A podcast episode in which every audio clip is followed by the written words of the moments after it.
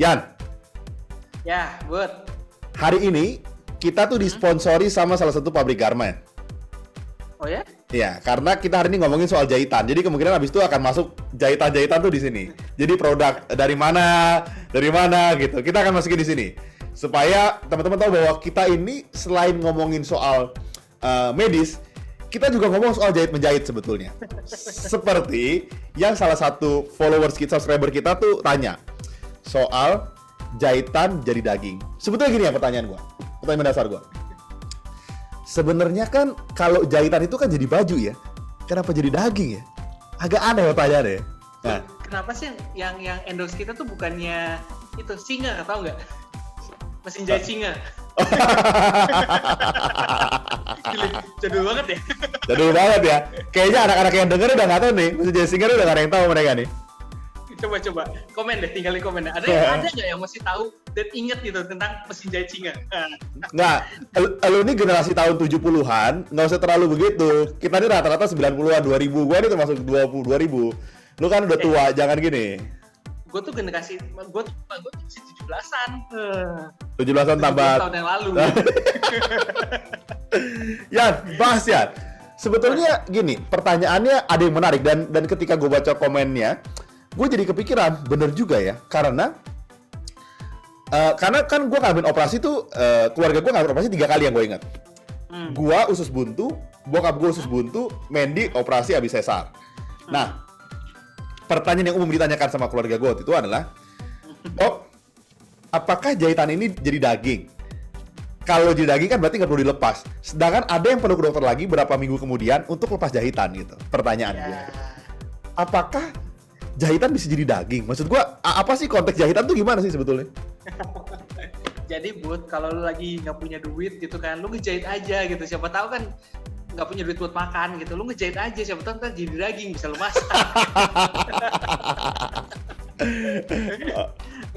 Jadi jadi sebenarnya banyak mis ini uh, gue nggak bilang salah persepsi ya sebenarnya benar juga gitu cuman mungkin masyarakat pada belum tahu nih fungsinya jahitan itu sebenarnya apa sih gitu Hmm, hmm. ya kan kebanyakan orang kan kalau misal habis luka datang ke dokter mereka langsung takut kan dok jahit ya jahit ya kebanyakan Hmm. orang udah langsung takut kan untuk Hmm. dijahit kan Ya. jadi sebenarnya konsep jahit it jahit jaringan luka yang ada di tubuh kita itu sama dengan konsep jahit baju sebenarnya menyatukan dua lembar kain atau Oke. menyatukan dua Oke. gitu jadi eh, misalnya misalnya eh, gua gua di tangan gua nih Hmm. ya ini kena luka potong set Hmm. di sini nah kan kebagi dua kan sisi kiri dan sisi kanan kan Iya, iya.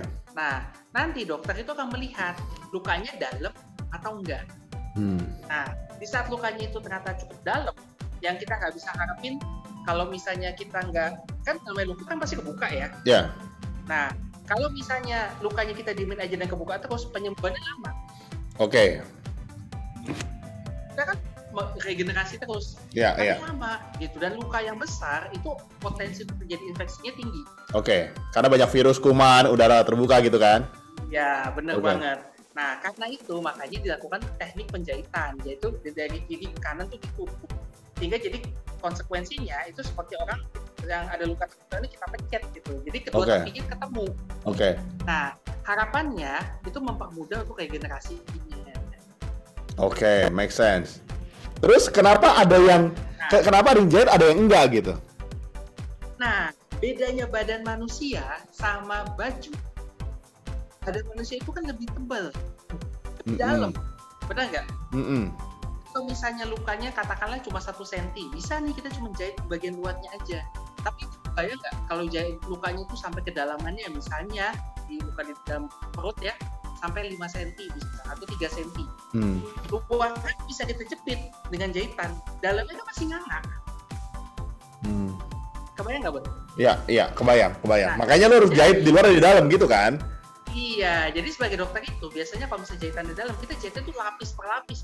Jadi jahitan lapisan, jahitan otot, jahitan kulit bagian bawah, baru kulit bagian atas. Hmm. Nah, kenapa orang bisa tanya jahitan ada yang bisa jadi daging atau enggak? Jahitan yang bisa jadi daging itu dalam tanda kutip itu adalah jahitan di bagian dalam, lapisan dalam. Karena nggak Hmm. mungkin kita cabut lagi gitu. Iya, iya. Nah, kalau misal jahitan yang di bagian luar yang kelihatan di kulit kita itu biasanya ada jahitan yang harus dilepas atau kalau orang awam kenal itu jahitan yang tidak menjadi daging gitu. Yan, pertanyaan gua bahannya beda ya? Maksud gua jahit bahannya tuh beda ya untuk jahit luar sama dalam ya? Beda, beda bud. Hmm. Jadi jadi kalau misalnya yang bagian di bagian dalam itu memang dia bisa uh, kita sebut seperti di, diserap absorpsi hmm. oleh tubuh kita. Jadi ujung-ujungnya benangnya itu kan hilang. I see, oke okay, nah, oke. Okay. Persepsinya adalah dia menjadi daging, yeah, itu yeah. kunci awalnya. Nah kalau yang bagian luar itu walaupun uh, dia itu sebenarnya kan lebih kuat bud, hmm. karena kulit kita kan lebih elastis ya, dan hmm. dia uh, apa namanya pada saat jahit, uh, jahitan itu di luar dia terpapar udara hmm. kotoran di luar sehingga kita harapkan jahitan itu bisa lebih kuat. Makanya hmm. jahitan yang itu biarpun kuat dia tidak bisa diabsorpsi, dia harus kita lepaskan secara manual. Hmm, gua gua gua tanya gini, gua berada ada begini. Kalau misalnya jahitan luar itu dipakai yang dalam juga nggak bisa, karena kurang kuat. Kan pengennya jadi daging, jadi nggak usah dilepas gitu. Pernah nggak ada kejadian gitu nggak maksud gua? Jahitan luar tapi berubah jadi daging gitu. Gimana? Jahitan luar? Ta tapi bahannya pakai yang dalam. Maksud gua supaya nggak usah dilepas. iya dong. itu itu sama aja kayak lu nanya, boleh nggak pak eh gimana ya gue susah ngejelasin but soalnya pertanyaan tuh bodoh banget eh bener dong maksud gue yang dalam buat jahit di luar. Jadi gini lu sekali jahit lu usah balik dokter lagi nggak usah buang duit lagi. Kan kalau ke dokter buang duit administrasi. Kadang-kadang kan mata duitan juga kayak lu jadi maksud gue nggak usah. Jadi yang langsung pakai sekalian aja jadi harus jadi daging. Nggak maksud gue pernah ada nggak kejadian gitu? Atau nggak ada tuh? Dokter nggak pernah ada metode seperti itu? Tidak boleh. Bud, jadi kalau misalnya, misalnya uh, lu tanya bagian benang yang bagian dalam, benang dalam dipakai untuk kejadian yang luar, itu nggak bisa jelas, hmm. karena salah indikasinya. Oke. Okay. Gitu. Yang gua kawat, yang kita khawatirkan nanti itu, jadi jahitannya nggak kuat, benangnya keburu putus, padahal kulitnya itu belum nyatu. I see. Gitu. Nah, tapi ada nih beberapa beberapa trik. Jadi kalau zaman dulu kan ya pengobatan masih belum maju ya, jadi yeah. kita ya. cuma punya benang. Gitu. Kalau sekarang itu kita punya berbagai macam uh, pilihan. Jadi kalau misalnya ternyata lu nggak mau jahit, lukanya kecil, nggak terlalu nggak terlalu besar, itu kita bisa pakai yang namanya lem. Hmm. Oh, Oke, okay. I see. Oh ada ya. Tapi gua tahu dari muka lu, tapi gua tahu dari muka lu, lu ngebayangin lem ubi pasti. Bukan nih buat ya. Ini bukan lem kanji juga bukan. Oke. Okay. Ini adalah kayak semacam lem jaringan yang itu juga bisa diserap dalam tubuh. Gitu. Tapi lukanya nggak bisa terlalu gede karena lemnya kan nggak sekuat benang. Hmm, hmm, hmm. I see. Oke okay, oke. Okay. Ber berat, berarti berarti sebetulnya gini dong Yan. Um, semua semua yang mengalami luka dalam pasti jahitannya ada dua. Nggak hmm. nggak nggak mungkin kan dia hanya jahit luar doang tanpa jahit dalam. Betul nggak logikanya gitu? Uh, bisa aja kalau lukanya nggak dalam. Oh, di luar maksudnya kalau lukanya nggak dalam, kalau dia berharap itu sembuh sendiri tetap susah. Tetap prefer dijahit luar gitu ya? Uh, jadi ada kayak semacam ukurannya biasanya but ya. Tapi gampangnya gini aja deh. Pada saat lukanya itu lo nggak sentuh, kedua tepinya ketemu nggak? Oh, I nah, see. Nah, kalau kedua tepinya nggak ketemu, ya, itu berarti dia harus dijahit. Hmm. Nah, sekarang kita lihat kedalamannya. Kalau kedalamannya bisa kira-kira 2 cm, itu udah pasti jahitannya Oh, I see. Gue jadi ngerti dengan asumsi itu kalau luka lu nggak ketemu atau bagian tubuhnya nggak ketemu itu kan berarti masih jahit luar kan? Hmm, ah, ya, maka da maka gitu. dari maka dari itu guru-guru suka ngomong gini, diam lu, ntar gue jahit mulut lu. Karena kan mulutnya nggak ketemu. Kalau ketemu mungkin dia bilang diam lu, gue mulut lu. Mungkin gitu ya.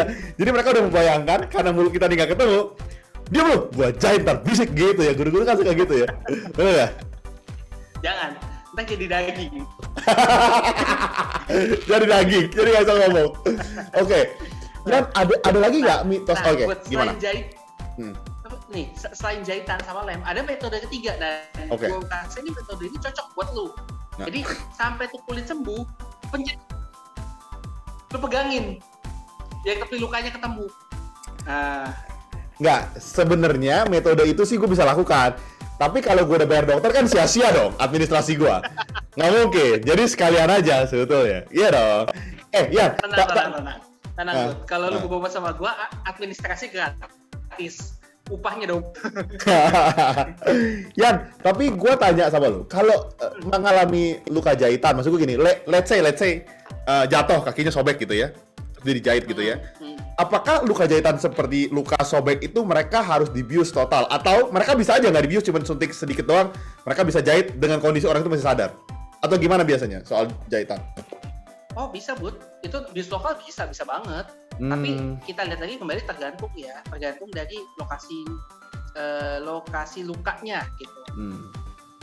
I see. Jadi- jadi misalnya jadi gue pernah dapat pasien itu lukanya itu karena kecelakaan sepeda motor lukanya itu dari pangkal paha sampai ke engkel eh, pegangan kaki I see, panjang juga ya. Hmm. nah, panjang kan nah sedang kalau misalnya lu mesti bius lokal itu agak berat gitu maksudnya bisa bisa tapi lu mesti bius dikit bius dikit bius dikit karena Hmm. bius itu kan eh, bius lokal itu kan ampulnya kecil gitu jadi dia iya. cuma dapetnya nah Hmm. kalau pada kondisi seperti itu bisa nih kita tawarkan untuk bius yang lebih misalnya di bagian spi- eh, pembuluh apa namanya sorry di bagian tulang belakang namanya Hmm. spinal Hmm. bius spinal atau bius umum kalau misalnya pada anak kecil Iya, iya, kadang nggak bisa. Iya. Nah, jadi kadang-kadang bisa dilakukan bius umum juga untuk anak kecil. Jadi sebenarnya kalau tanya metode biusnya semua tergantung dari kondisi pasiennya. I see. Tapi bukan karena lu mau nyari duit aja kan? Maksudnya bius yang ini banyak aja gitu, bukan kan? Kalau bisa lokal lokal lah, jangan matre-matre gitu lah. Apa perlu gue tulis? Nggak nanti gue bilang kalau bisa pegang pakai tangan, pegang aja pak, pakai tangan. Ya, ada ada tambahan lagi nggak orang-orang yang salah tentang mitos-mitos ini sebetulnya? nah, terus ada satu lagi nih bu. Jadi kebanyakan orang takut dijahit, ya kan? Hmm, hmm. Lebih takut untuk dicabut jahitannya, bener nggak? Ka- bet- karena takut karena takut kebuka gitu kan asumsinya kan? Begitu Ya, dijahit karena pas. sakit. Ya, ya, Takut itu, sakit juga. benar, itu benar. Tapi Ya. karena takut sakit lagi gitu. Iya, iya, Ma- make sense betul. ya kan? Nah, pesan gue bos sobat hati jangan sampai benang yang ada di dalam tubuh lu pada itu tidak dipotong, tidak dibuang, Hmm. nggak boleh. Jadi benang itu masuknya adalah benda asing. Hmm. Pada saat kita pasang benda itu steril, Hmm. jadi eh, resiko infeksi- infeksinya minimal. Hmm. Tapi seiring berjalannya waktu dengan eh, dia kan masuk masa pemulihan ya, Hmm. tapi dia kan akan kena air, kena udara, apalagi kalau misalnya lu gak ganti ganti-ganti perbannya dengan kondisi yang tidak bersih gitu. Hmm. Benang itu menjadi kotor. Nah, kalau nggak dilepas atau diangkat, itu nanti bisa menjadi sumber infeksi baru. Hmm. I see.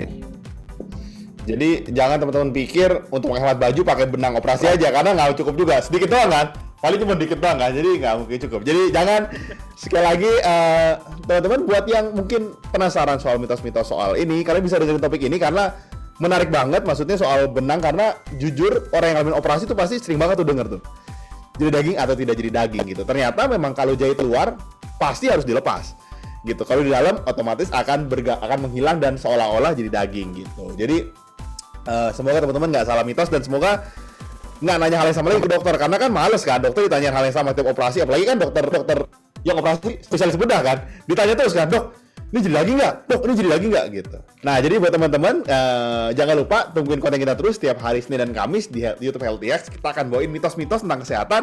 Dan yang mau request juga bisa langsung tulis di kolom komentar kita. Ada tambah lagi ya Itu aja sih. Jadi tunggu terus konten-konten edukasi kita. Mudah-mudahan bisa membantu informasinya. Jadi sampai ketemu di episode selanjutnya. Stay healthy. stay alive bye bye Bye.